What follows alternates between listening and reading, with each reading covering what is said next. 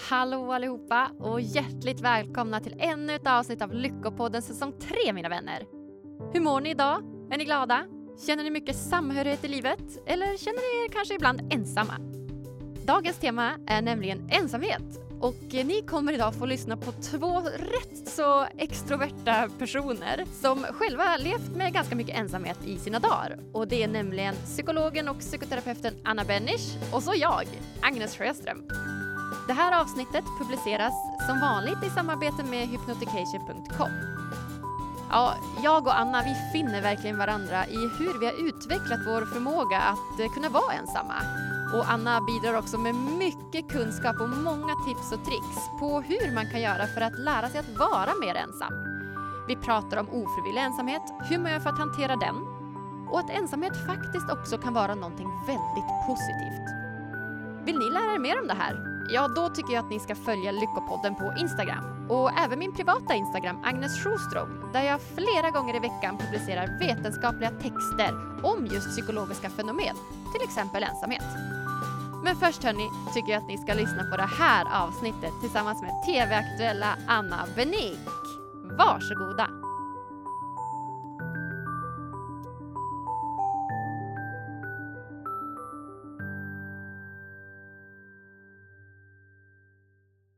Då säger jag varmt välkommen till Lyckopodden, Anna Bennick. Tack så mycket. Gud vad kul att ha dig här. Ja, det är jätteroligt att vara här. Ja, vad härligt. Jag gick och funderade här innan eh, vi började intervjun hur man faktiskt säger ditt efternamn. Om det är Bennick eller Benish eller ja. Benish. Ja, men det stavas ju lite konstigt, men du sa helt rätt. Det är faktiskt Bennick. Ja, det är Bennick. Ja. Ja, ja, men vad härligt. Ja. Är det, kommer det från Sverige det efternamnet? Eller är det... Jag tror att det egentligen kommer ifrån Danmark, fast för väldigt, väldigt länge sedan. Okej, vad Mm. spännande. Känner du att du har rötter i Danmark? Ja, jag, jag, jag kan ju prata flytande danska, tycker jag själv, men ingen annan. Och jag brukar behöva i alla fall ett glas vin innan jag kör igång, men sen är det flytande. Det är som jag och norska då. Mm. Jaha, du pratar också flytande norsk? Ja, men jag gillar att snacka norsk. Ja. Jag syns det är göj, man blir så glad. Ja, jag vet, men jag tycker både norska och danska är väldigt fina språk. Jag önskar att jag kunde dem lite bättre. Ja, men jag håller helt med. Det, man blir så glad av att, av att prata dem tycker jag. Det blir som en positiv känsla. Va? Ja, Ja, här vad skatt. Det är fint. Ja, men det är fint. Ja. Kanske ska köra den här intervjun på norska och danska istället. Jag vet inte hur hög lyssning vi skulle få då bara, men Nej, det är väl kul det skulle det vara. Ja, men kul. Vi skulle haft kul i vart fall. Du är ju legitimerad psykolog och psykoterapeut, föreläsare och författare. Stämmer det? Ja, det stämmer. Ja, kärt barn har många namn. alltså, ja, och eh, jag har ju också jobbat i några år så det, det blir väl så för många med åren. Att Ja. man gör lite olika saker och sådär. Ja, men det är klart. Eh, Jag har ju sett dig både i TV4, är det Relationsakuten va? Ja, bland annat relationsakuten där på Nyhetsmorgon. Ja, men exakt. Det var egentligen där som jag hörde dig prata om vårt ämne för första gången som vi ska prata om idag, nämligen ensamhet. Ja, just det. Ja, det har jag pratat om där några gånger. Känner du dig ofta ensam? Nej, inte så ofta, men jag kan verkligen känna mig ensam ibland. Jag har eh, faktiskt eh, ja, men haft ett sorts förhållande till ensamhet som har varit komplicerat. Jag har haft ganska svårt att vara ensam i perioder. Eh, vill ofta fylla upp Typ, eh, tomrum med folk och känner någon sorts lite rastlöshet och blir lite mörkrädd och sådär om jag är ensam hemma och sådär. Så att eh, jag har fått eh, faktiskt träna mig lite på att vara mer ensam. För i perioder har jag tänkt att det är egentligen det som jag behöver. Ja, ja men verkligen. För att just ämnet ensamhet känns som att det är ju någonting som jag vågar nästan säga alla mer eller mindre någon gång har känt av. Det tror jag absolut. Jag tror att det är en sån här existentiell fråga. Alltså att vi får alltid förhålla oss till ensamhet på olika sätt och då kan det ju vara olika saker. En del önskar ju ensamheten eh, mycket, mycket mer än andra och tycker att det är svårt och jobbigt att ständigt ha kanske folk omkring sig och barn som klättrar och olika röster och behov och ljud och så och, och trivs väldigt bra i ensamhet och, och vill ha den mer. Och för andra är det tvärtom. Att jag tänker att vi är väldigt olika varandra på en lång, väldigt glidande skala i hur mycket umgänge eller samvaro vi behöver och mår bra av. Och att det är väldigt normalt att vara väldigt olika i den där frågan. Ja, men verkligen. Men om vi börjar från början, rent generellt, eh, vad är ensamhet? Ensamhet är ju en egentligen värdeneutral beskrivning av ett tillstånd, alltså att man är utan andra runt omkring sig. Så ensamhet i sig är ju inte någonting som direkt är dåligt, utan tvärtom. Jag tror att vi i ensamma stunder också kan menar, att det kan vara ganska vilsamt många gånger och återhämtande och en hjälp för oss att få olika tankar och snurr och prat i huvudet kanske lite grann på plats och att man hinner tänka klart saker och ting och sådär. Så jag tror att att vara sams med ensamhet och att kunna njuta i ensamhet är nog en bra sak att kunna. Ja, men verkligen. Men sen så finns det ju den där andra sidan av ensamhet, den som är ganska jobbig och det är ju den när vi inte vill vara ensamma men inte kan välja bort den. Då brukar vi ju kalla det för ofrivillig ensamhet. Och den är inte alls bra. På lång sikt i alla fall så blir vi faktiskt sjuka av att vara ofrivilligt ensamma. Har man utvecklat det här och sett typ hur länge man behöver vara ofrivilligt ensam för att bli sjuk? Eller hur skadligt är det? Hur många lider av det? Det där ser ju lite olika ut, för som sagt, vi har ju lite olika behov av att vara bland andra eller, eller inte. Så det, det, är svårt att ge någon sorts tidsspann, men för en del går det ganska fort. Alltså jag har träffat många personer som till exempel har flyttat från en stad till en annan och där det har tagit lite tid innan man har kommit in i umgängen och eh, där det har varit en förskräcklig tid den första tiden när man har gått till sitt nya jobb som man har varit glad att man fick och så går man hem klockan fem och så sitter man där och så känner man ingen och så nästa dag och sådär. Och, och det som händer efter ett tag är ju att vi också tappar lite tilltron till vår egen förmåga att skaffa nya kompisar eller vara i sammanhang och massa negativa tankar. Är jag tillräckligt intressant? De tycker inte att jag är kul eller rolig eller sådär. Och så får vi sämre självförtroende och så drar vi oss undan lite mer och så kan det leda till faktiskt en, en mer långvarig ofrivillig ensamhet. Ja, jag förstår. Men du har ju flyttat från en stad till en annan stad, nämligen hit va? Ja, det stämmer. Ja, hur, hur har det gått? Ja, men Vad kul att du frågar. Ja. Ja, men jag är ganska van att flytta så mycket. Jag är ju från Norrland, från Umeå i början. Ja. Men flyttade liksom redan när jag var 18-19 år för första gången då av olika anledningar. Jag var också sugen på ett nytt jobb och ville plugga på ett annat ställe och så. Ja. Och det är klart att det är lite jobbigt i början men jag har också lärt mig att man, man får som ta för sig lite grann. Ja. För att då hitta nya vänner och, och nya sammanhang. Just det. Och jag är nog en ganska extrovert person. Precis, det är ju lättare. Jag satt precis och tänkte så här, aha, hon är en sån där person som har lite så här magipulver i sin ficka. Okej, okay, hur menar du då? Ja. Nej, men just att, att eh, det också är lättare för en del personer att skaffa sig nya sammanhang att vara i. Att vi, det är lite orättvist fördelat det där ifrån början. Och om man också är lite mer orädd och oblyg och nyfiken att, och vågar liksom ge sig in i nya sociala situationer så ökar ju sannolikheten att, att man också hamnar till slut med nya vänner och sådär. Och då ökar också mitt självförtroende i det och då blir det ännu lättare. Så det kan vara verkligen spiraler som går åt det ena eller det andra hållet. Eh, och, och, ibland tror jag att vi har hmm, lite lite tolerans för att en del är lite mer blyga eller introverta och att vi behöver i den här snabbt snurrande världen som vi lever i också stanna upp och se till att andra hänger med. Liksom, för att det är svårt ibland att lägga märke till också om någon drar sig lite undan eller går hem eller inte deltar i ja, olika aktiviteter till exempel, eh, som man gör kanske med jobbet eller sådär. Ja men verkligen. Och det känns ju som att ja, men om man är introvert eller extrovert och vad det är för påverkan på ensamhet så känns det ju som att alla människor har ju liksom lika mycket rätt att inte känna sig ensamma. Så att man kanske har lite samhällsansvar där ändå. att så här, försöka se lite grann om det är någon som drar sig undan eller någon som man inte har pratat med på länge eller liknande.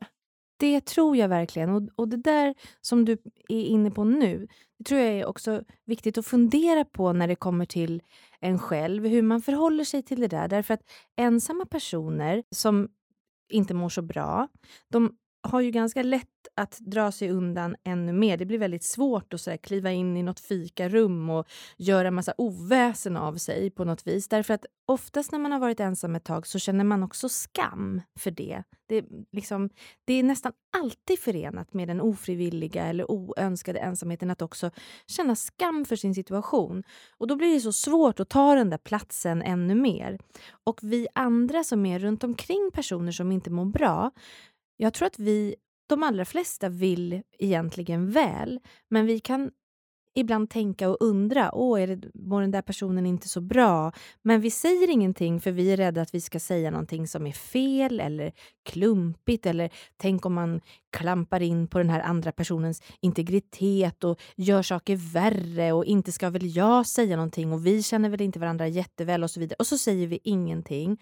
Och så märker personer som är ensamma eller är i andra typer av också kriser eh, att jag blir ännu mer ensam nu. För att folk drar sig undan ännu mer när jag inte mår något bra. Vi är liksom inte så jätteväl tränade allihopa på att steppa fram och kliva in när människor inte mår så bra.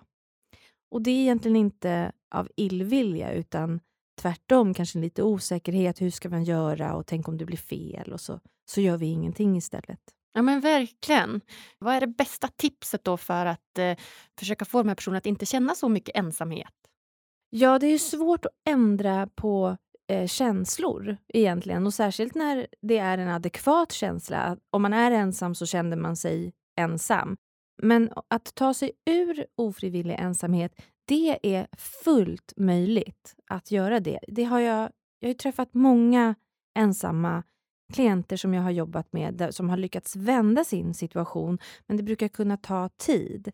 Och eh, Det som egentligen är slutmålet, det är ju att hitta lite nya sociala plattformar eller arenor där man har möjlighet att umgås med andra.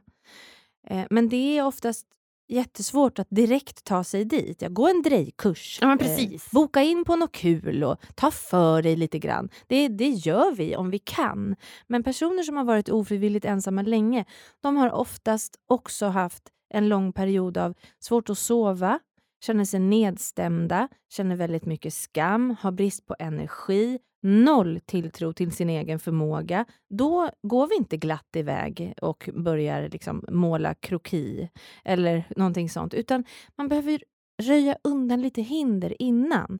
Så om man är och har varit ofrivilligt ensam länge, då ska man söka hjälp.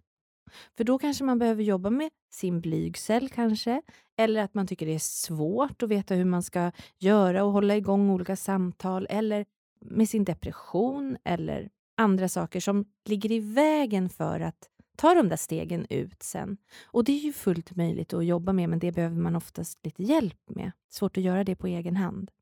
Ja, men för du jobbar ju som psykolog och eh, som mm. jag förstår så möter du ofta mycket personer som, som lider av den här ofrivilliga ensamheten. Mm. Eh, har du några tips och tricks eller exempel på hur du brukar jobba med de här personerna för att de ska våga ta det här steget att ta en drejkurs eller Ofta så brukar jag börja med att kartlägga vilka hinder är det som finns. Och om det handlar om att jag är väldigt blyg eller att jag är deppig eller har låg självkänsla i såna här situationer så får man jobba med de bitarna först och det kan ta ett litet tag. När man känner sig lite redo, då brukar jag, eller vi brukar göra en sorts trappa där man skriver upp olika sociala situationer och, eh, och så börjar man med det som är minst svårt. För en person kan till exempel tycka att det är jätteläskigt att gå och stanna kvar på någon sån här AV med jobbet där man ska småprata och mingla runt och sådär. Det, liksom, det kommer jag aldrig göra. Då sätter man det på det är 10, det är värst. Och på eh, 8 så finns eh, ja, men, gå en kurs, i, till exempel en drejkurs då, eller så här, gå, gå med i något sånt där sammanhang. Och så får man bena upp de här olika situationerna. Och lite längre ner på den där trappan, av en obehagstrappa, lite längre ner så kanske det finns ringa på en granne som eh, sitter i rullstol och frågar ska jag handla någonting från affären? Eller prata lite med en, någon som jobbar i kassan på eh, matbutiken. Eller lite såna där mindre steg. Och de kan kännas sådär rätt så meningslösa om man sitter och är ensam och längtar efter att ha nära relationer omkring sig. Men det händer saker med oss när vi tar de där små stegen och lyckas med det också. Så att målet ska från början inte vara gå runt på en AV helt avspänt och snacka med folk, ha fyra nya bästa kompisar. Utan det första målet ska vara ha lite mer social input i mitt liv. Och då kan det vara de där små sakerna som man börjar med.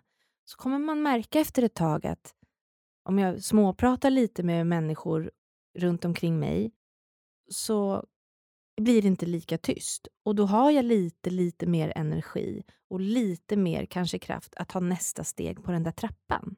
Ja, men jättebra tips! Så att kartlägga egentligen då vad man gärna vill men som känns jobbigt, till exempel då en AV. Och sen då gå ner för den här trappan och rangordna mindre då aktiviteter som känns lite lättare att börja precis, där. Ja, men precis så. Och eh, liksom ha tålamod. Därför att eh, det, det tar lite tid, men man ska inte underskatta också de där små förändringarna, för de gör någonting med oss, även om det inte känns så precis när man börjar ska gå ner och prata med någon på ICA. Alltså ja. kom igen. Ja. Jag, jag, känner mig, jag mår jättedåligt och vill ha folk omkring mig så ska jag prata med kassör eller kassörska. Men eh, de där små stegen med lite tålamod så vågar man sen gå vidare i, i trappan. Eh, och till slut så står man där på en AV och känner sig visserligen obekväm ja. i början. för inget är ju som sagt så himla enkelt Nej. alltid. Men till slut så står man där. Det har jag varit med om massor med gånger och det är fantastiskt att se att det går att göra den typen av utveckling.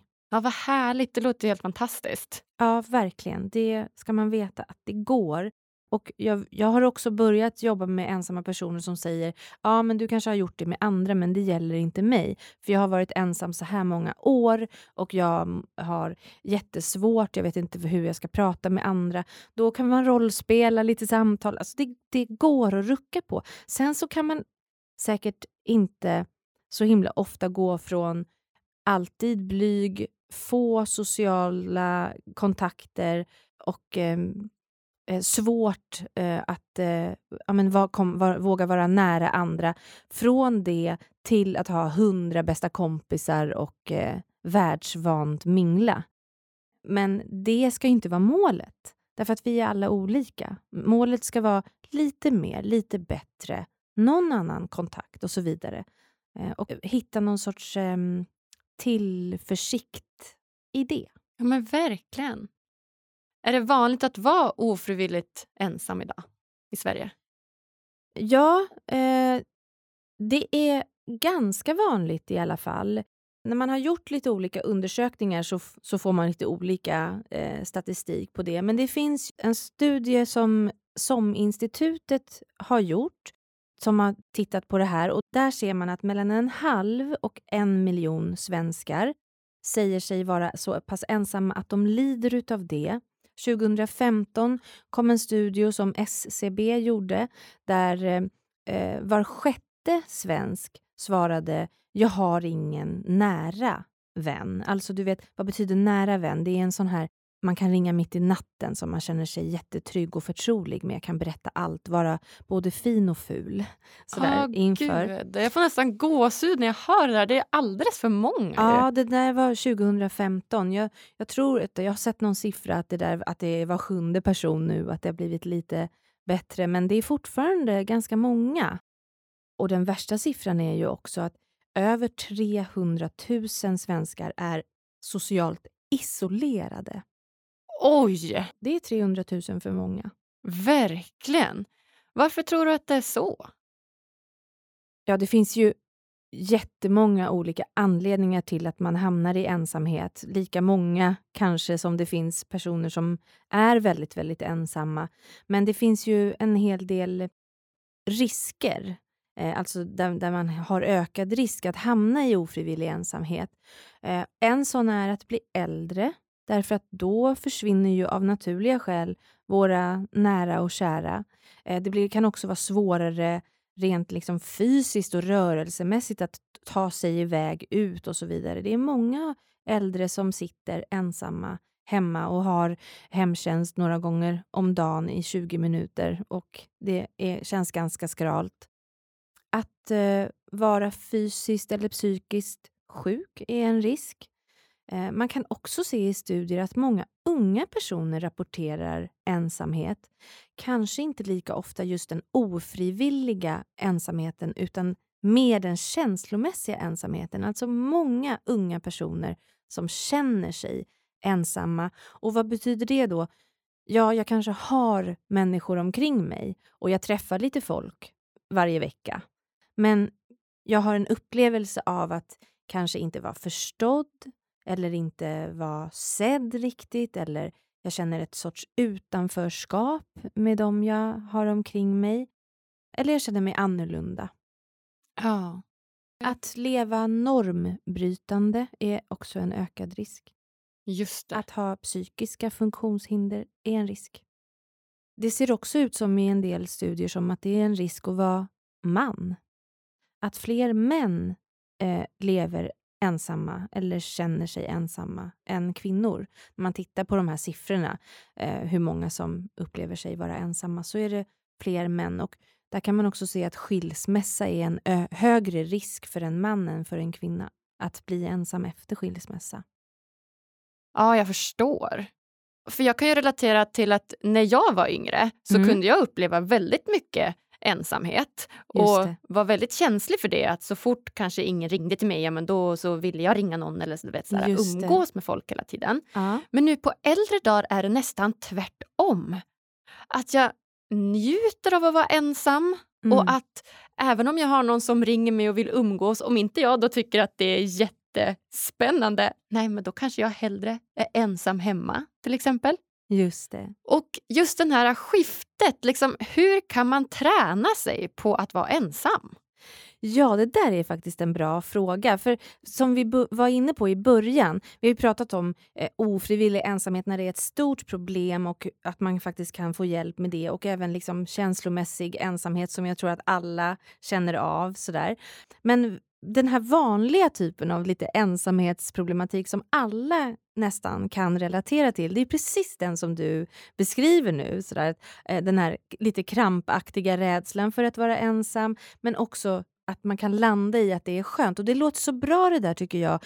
För Det låter som att du är så trygg med din, i din ensamhet och med att vara med dig själv. Och det behöver ju många träna på. Ja, och frågan var hur kan man träna sig på det? Ja, man behöver träna. Jag, jag eh, har själv gjort det.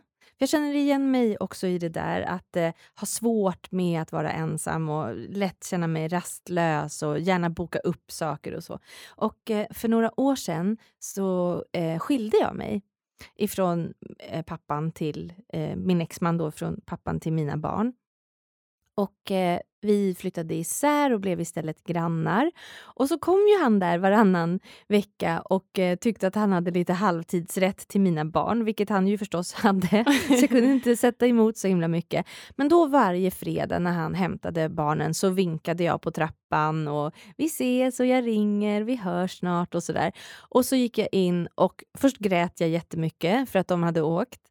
Och sen så stod jag inte ut med tystnaden och då i början så bokade jag upp saker varenda kväll. Efter jobb och sådär så träffade jag kompisar eller eh, gick på någon halvdan dejt, behällde det här lite halvroliga än att vara ensam hemma. Och eh, jag var så trött framåt liksom fem dagar senare att eh, att jag eh, bara längtade. Så här, nu måste barnen komma hem, för jag vill vara hemma. Jag sov lite sämre också. Vad är det som låter och knarrar i huset? och, och sådär. Så efter ett tag så tänkte jag att eh, jag, så här kan inte jag faktiskt hålla på. Jag är för gammal för att vara ute varenda kväll och äta middagar och dessutom är det för dyrt. Jag kan inte dricka vin så här ofta i ve varannan vecka och sen så noll alkohol varannan vecka. Det var så skönt att ha barnen hemma. Um, och då bestämde jag mig för att jag skulle träna. Jag kan nästan skratta när jag eh, kommer ihåg hur det var. För då bokade jag av eh, ensamma kvällar och så gjorde jag liksom mysigt till mig själv. Som om jag skulle ta hand om någon som eh, var lite rädd och ängslig och sådär. Hur skulle man ta hand om någon som man tycker mycket om? Något barn eller en bästa vän eller sådär. Så gjorde jag till mig själv. Tände ljus, tog fram någon mysig serie som jag ville se och sådär. Och eh, låg i soffan med filt och hade gjort en kopp te och sådär. Men så här lät det inne i mitt huvud hela tiden. Åh, vad mysigt jag har det. Det här är jättemysigt. Ja, jag har just det. valt det helt själv. Det, det är ju inte så att jag är ensam och inte har några kompisar. utan det här, jag har så mysigt. Jag kan titta hur många avsnitt jag vill och vilken serie jag vill. Åh, vad mysigt och bra. Någon sorts övertalande röst i huvudet som eh, höll på där och jobba och jobba. Och i, det kändes inte riktigt så bra i början. Men eh, jag bestämde mig för att jag får göra så här en stund och sen får jag ringa till en kompis och säga jag känner mig ensam och prata lite.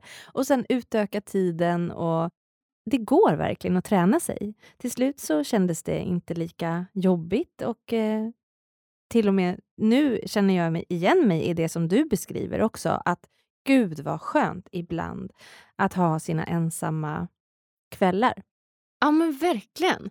Ja vad smart. Så att samma sak där, man kanske inte kan göra en hel omvändning att gå Nej. från att absolut aldrig vara ensam till att alltid vara ensam utan man får trappa upp det lite Ja. grann efterhand. Ja, jag märker fortfarande att när jag sover ensam, eh, då sover jag inte lika bra. Och det kommer kanske alltid vara så. Men, Men, men det är samma här. då får det vara så. Det kanske bara får vara så helt ja, enkelt. är, är, försök att inte eh, stressa upp sig för mycket över det. Utan så här, just det, nu är en sån här kväll när jag ska sova ensam. Ja men verkligen. Ja. men för att jag kan verkligen relatera till det där för att det som var den stora helomvändningen från mig för att vara så här, känna mig ensam och alltid måste umgås med människor till att känna att nej men vadå, jag kan bara vara själv. Det var egentligen bara att fråga mig själv så här, vad vill jag nu? Ja. Vad tycker jag är roligt att göra? Ja, Vad vill jag egentligen? Och kanske inte lyssna så mycket på alla andra intryck att jag borde göra det här, jag borde göra det här och måste Nej. göra det där. Utan det var sån helomvändning att bara, vad vill jag? ja, Och det var så skönt, för ibland om jag var trött så kunde jag bara säga, jag är ju trött, jag vill ju vara hemma. Ja men då är jag Ja. hemma. Och så var det okej på något sätt. ja. Jag tror det är en jättebra fråga att ställa sig. Vad vill jag nu? Och får man inte fatt i det, då kan man ställa sig frågan, vad behöver jag nu? Bra.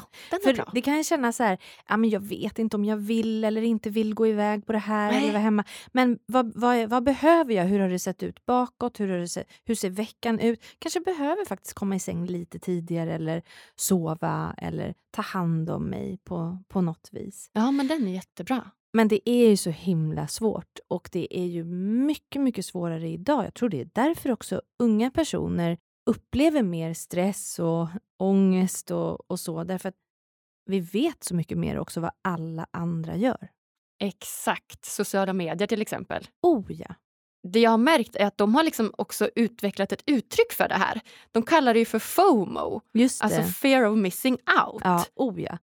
Och, och jag tror att så här, det, det kan säkert människor känna igen sig i, i sedan alla tider, att man inte vill missa roliga saker. Men idag så är det ju, vi har ju möjlighet att se vad hundra, ibland tusen andra personer gör varje dag när vi scrollar igenom sociala medier. Och det är ju också så här, Människor lägger ju bara upp när man är på en konsert eller en teater eller på en rolig fest eller på en tjejmiddag med olika roliga ansikten och några champagneglas kanske eller vad det nu är för Exakt. någonting. Så att vi får ju upplevelsen att där ute händer det så här roliga saker hela tiden. Och så vi, brukar, vi brukar kalla det för additionsstress. Alltså man ser vad, vad de där gör och vad de där gör och vad den gör och vad den gör. Och så plussar man ihop allt det där och då känns det som att alla andra gör sa roliga saker hela tiden.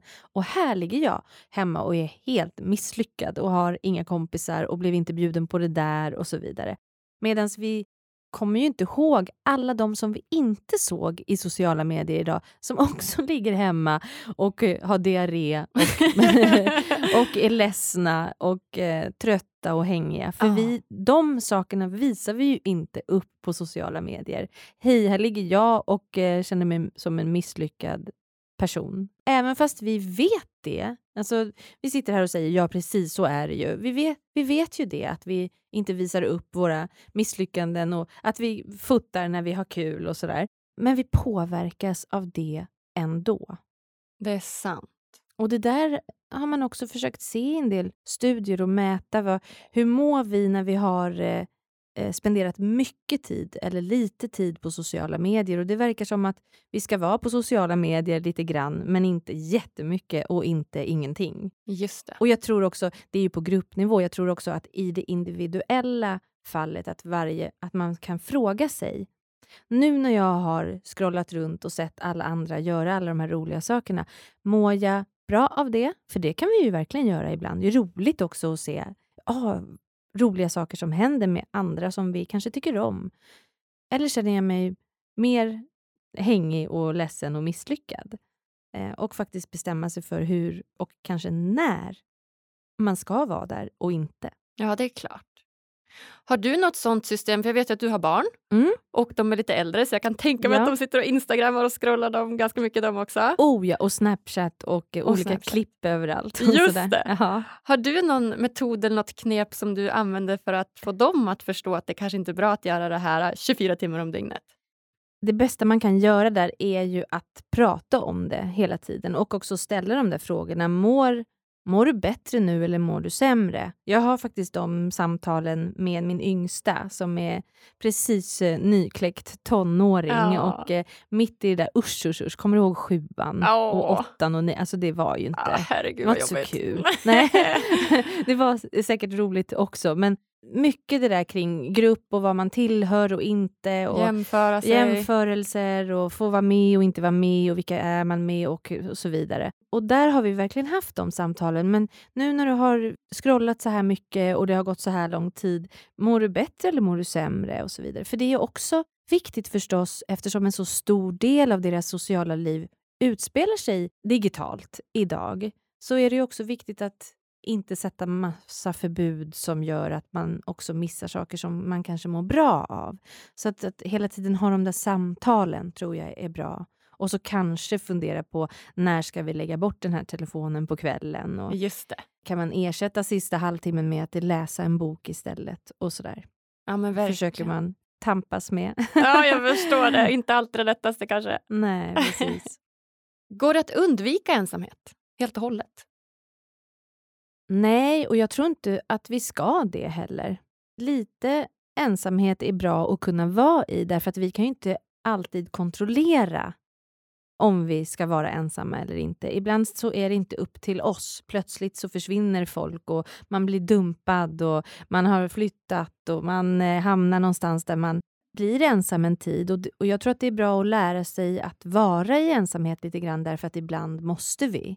Men vi har ju ett eh, biologiskt system som larmar när vi är ensamma för länge. Vi är ju i högsta grad flockdjur och det var förenat med livsfara att hamna utanför flocken för länge, länge sedan. Och vi reagerar på samma sätt idag, även om vi kanske överlever eh, utan andra runt omkring oss på ett annat sätt idag, så är det fortfarande så att vi överlever kanske, men vi lever inte så mycket, med så mycket lust ändå om vi är ensamma utan att vi vill vara det. Så det här blir ett liksom kroniskt stresspåslag eh, och, och det leder till de här ökade riskerna för till exempel hjärt och kärlsjukdomar och stroke och Alzheimer och faktiskt till och med för tidig död om vi är ofrivilligt ensamma för länge. Mm. Det finns en ökad risk. Ja, åtminstone. Det. Så det är viktigt att ta på allvar. Men vi måste hitta den där balansen tror jag och det är väl en sån där fråga som alla får ibland i perioder förhålla sig till och jobba lite med och sådär. Att kunna vara ensamma ibland men att också kunna ha några omkring sig som man tycker om och lite nära relationer, för det mår vi väldigt, väldigt bra av. Ja, just det. Så att en väg till välmående är ju då helt enkelt att lära sig att kunna träna på att vara ensam och så då nära relationer. Ja, det skulle jag säga är en bra balans. Och sen som sagt är vi olika. En del, för en del räcker det med lite socialt umgänge och mycket pyssla runt och fixa och dona med sig själv. Och andra vill ha mycket sociala relationer för att vi är olika där. Och allting är alldeles normalt så länge vi mår bra av det. Det är ju när vi känner att det blir en obalans i det där eller att vi inte riktigt mår bra längre som det blir viktigt att göra någonting åt det. Ja, men Spännande. För att En sak som jag har upplevt här när jag flyttat till Stockholm, jag är mm. ganska ny här, det är ju att dels är det så mycket folk överallt hela tiden. Så att eh, på det sättet är det lätt att inte känna sig ensam just att man har det här eh, folk runt sig hela tiden. Men jag fick en sån upplevelse när jag gick in på tunnelbanan första gången. Dels så hade jag tagit mig från lägenheten, gått lilla vägen till tunnelbanestationen och gick på den här tunnelbanan. Och då när jag kom in på tunnelbanan så kände jag att det är så mycket folk här. Det är mm. liksom så mycket interaktioner. Men alla sitter med sin telefon, de har pluggat mm. i hörlurarna, tittar ner och på de här fyrsätena så satt det liksom fyra personer överallt. Men det kändes så ensamt. Mm. Trots att det var så mycket personer där så fick jag verkligen en känsla av att vad ensamt det här är. Mm. Varför känns det så? Eller hur kan det bli så? Ja, men det är ju den där bristande kontakten med andra människor. Just att folk sitter bortvända och ner i sitt och vi har inte så mycket ögonkontakt och, och sådär. Och det där ser faktiskt lite olika ut tror jag i olika både städer men också delar av världen. Jag förstår precis din känsla att komma in och känna sig ensam och eh, inte sedd alls och eh, exkluderad. Och det, det kan vara en ganska obehaglig känsla när man är bland så himla mycket folk. Att det känns trots det lite otryggt eller eh, konstigt eller ensamt. Sådär. Verkligen, det var som en helt ny känsla. Ja, jag, jag kan verkligen förstå det. Och eh, Vi lever ju också på ett helt annat sätt nu idag. Jag brukar kalla den här tiden för, som vi lever i, den här liksom eran nu för effektivitetsromantiken, där vi inte ens vet längre hur man gör när man bara färdas. Vi har liksom tappat den där förmågan att bara sitta ner med hängande armar och ett huvud och se oss omkring, utan när vi färdas så ser vi till att också dricka kaffe kanske i någon pappmugg eh, och, och, och, äta någonting på vägen så att man har det gjort och, eh, och jobba. Vi sitter i våra telefoner och skickar mejl och scrollar medier och, och eh, ser till att göra undan och vara lite effektiva under tiden. Så att, att bara liksom sitta och möta andra människors blickar, det gör vi inte lika ofta längre. Tror du att vi saknar det för att eh, känna oss mer välmående och lyckliga? Vi lever ju förstås i den tid vi lever i och behöver förhålla oss till det hela tiden. Men vi har på många sätt förlorat förmågan att göra bara en sak i taget eller skrota runt eller eh, hitta lite återhämtning därför att vi hela tiden behöver känna oss som steget före och effektiva. Och det känns ganska skönt i stunden att vara effektiva eller hinna, hinna göra många saker på en gång. Men på lång sikt så tror jag att vi saknar någonting. Det finns en jättespännande studie som kommer varje år som eh, en organisation som heter Internations gör där man tittar på hur det är att flytta till olika länder och etablera sig där och jobba. Den, det är så spännande att titta på den. Eh, för där frågar man ju alltså expats. Eh, hur är det att flytta till det här landet? Jag tänkte på du beskrev nu när du flyttade till Stockholm och tunnelbanekänslan ja. där. Liksom. Och här, här frågar man kanske någon som kommer från Tyskland eller Polen eller Brasilien. Hej, hur är det att komma till det här landet, Sverige, och etablera sig och bo? Och så mäts olika länder på många olika parametrar. Och där ligger Sverige ganska högt när det kommer till eh, barnomsorg och sjukvård och sådär. Men det finns en, en del i, i den här studien som mäter the ease of settling. Alltså hur lätt är det att eh, liksom landa ner och känna sig hemma, hemmastad i det här landet. Och då tittar man förstås på friendliness och finding friends därför att det är så vi känner oss hemma, när vi har ett socialt sammanhang att befinna oss i.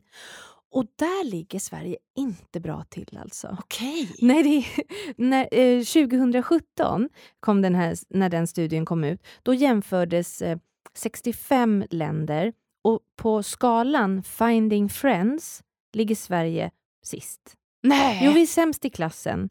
Och 2018 Då jämfördes 68 länder och då är vi inte längre sist utan då är vi näst sist. För då hade vi gått om Kuwait. Nej! Så att vi har lite att jobba på där när det kommer till ögonkontakt eller prata med varandra eller öppna våra dörrar. Det är jättemånga som säger ja, ah, jag har flyttat till Sverige och har jobbat på Ericsson eller SSAB eller något annat bolag i, i tio år och alla är trevliga liksom, men jag har aldrig varit hemma hos en svensk person. Nej. Nej, precis. Och det låter inte så otroligt heller nu när du säger det, att så, åka hem till den här personen. Det är inte så ofta man är hos andra människor. Nej, vi kanske gör det lite svårt. Vi måste ha städat och bjuda ja. på olika grejer ja. och ha det fint och inte tillräckligt. och så Vi till och med liksom öppnar inte dörren om vi är i morgonrock. Nej, eh, nej, men gud, jag ser ut så här i håret. Så här, det. Man gör faktiskt inte så i alla kulturer och länder, utan man öppnar sina dörrar hur man än ser ut och de står öppna och eh, man gör på lite olika sätt. Verkligen, så det borde vi verkligen lära av i Sverige här och öppna dörren mer. Öppna dörren och titta upp ur alla halsdukar och jackor, åtminstone på tunnelbanan kanske ja, ibland och möt någons blick och sådär. Det är återigen de där små, små stegen. En blick och ett hej och ett leende kan faktiskt göra en annans förmiddag. Verkligen. En blick och ett hej och ett leende. Det får vi börja göra mer, Anna. Ja, nya det. mantrat. Ett blick, ja. ett hej, ett leende. En, en blick, ett hej, ett leende. en blick, ett hej, ett ja. leende. Har jag gjort mina tio blick, hej, leende idag? Ja, det har jag gjort. Det checkar jag Ja, men exakt. Check, check. ja, vad härligt. Du, eh, jag tänker att vi går in på de sista frågorna här nu då, tillsammans. Ja. Den första frågan är ju då, vad gör dig som lyckligast?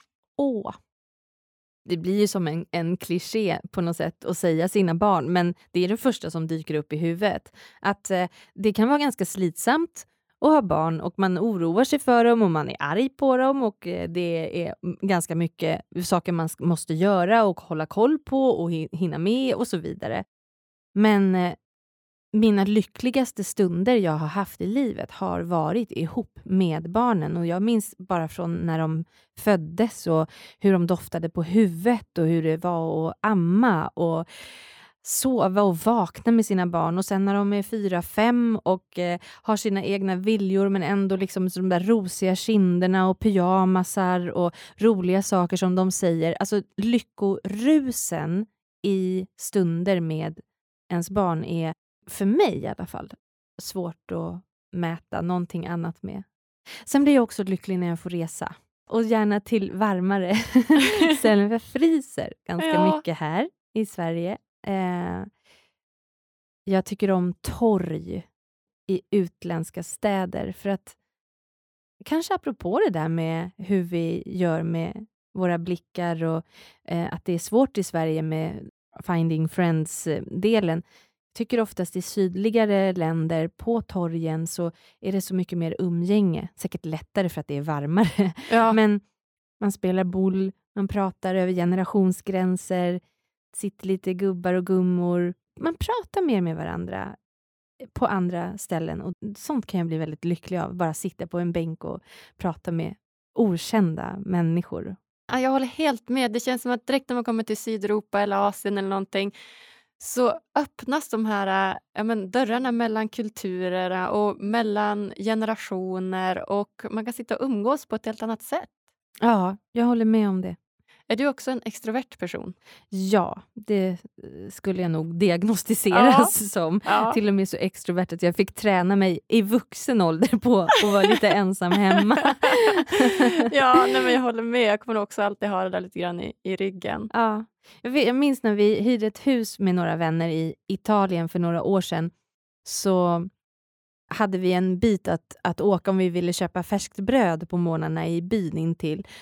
Och varje morgon så anmälde jag mig frivilligt och det var verkligen så här, oh, gud, du får jättegärna åka, vad härligt att du kommer hem med brödet. Men det var precis det där, när man hade varit där en vecka, då kände jag ju han som ägde bageriet och jag visste att det var hans svåger och svägerska som ägde det lilla hotellet på torget och jag visste, jag kände Maria som var hundra år gammal. Vi prat, hon pratar bara italienska och jag kan nästan ingen italienska alls eh, och vi förstod knappt varandra men vi satt ofta på bänken och försökte prata lite grann och hon var faktiskt hundra år gammal och satt alltid på den där lilla bänken och några gubbar som drack kaffe och det var verkligen så här det är det jag minns mest nästan ifrån den där resan, är ju det där torget och de där människorna och att jag får ofta separationsångest när jag ska åka iväg och bara åh, jag ska komma tillbaka. Ah. sen, sen händer inte det så ofta då, men, men eh, ja. ja. Jag kan verkligen relatera, det låter helt fantastiskt. Om du fick ge lyssnarna en utmaning som de kan göra varje dag för att bli lite lyckligare, vad hade det varit då? Åh, oh, eh, oh, vad ska jag välja? Jo, men då, då vet jag en sak. Om man vill bli lite lyckligare och faktiskt göra någonting så här, som är lätt att göra, som inte tar så jättemycket längre tid än det man redan gör och sådär, eh, så är det ju att göra någonting hjälpsamt eller gott för någon annan. Alltså Moder Teresa hon var mm, ett mycket större ego än vad man kanske kan tro.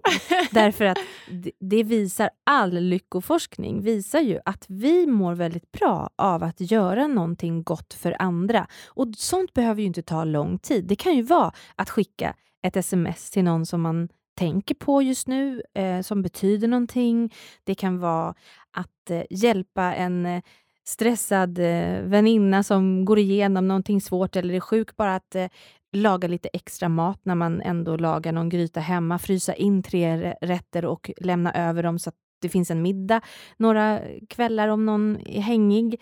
Eh, det kan vara att eh, just knacka på den där grannen och fråga, ska jag handla något åt dig? Jag ska ändå gå till affären. Eller sådär. Några ah. små handlingar i vardagen som inte behöver ta upp jättemycket tid, men som känns väldigt bra för den som är mottagare, men som också rent egoistiskt ja. känns bra för mig själv. Ja, men snacka om win-win situation. Det är så win-win. Verkligen.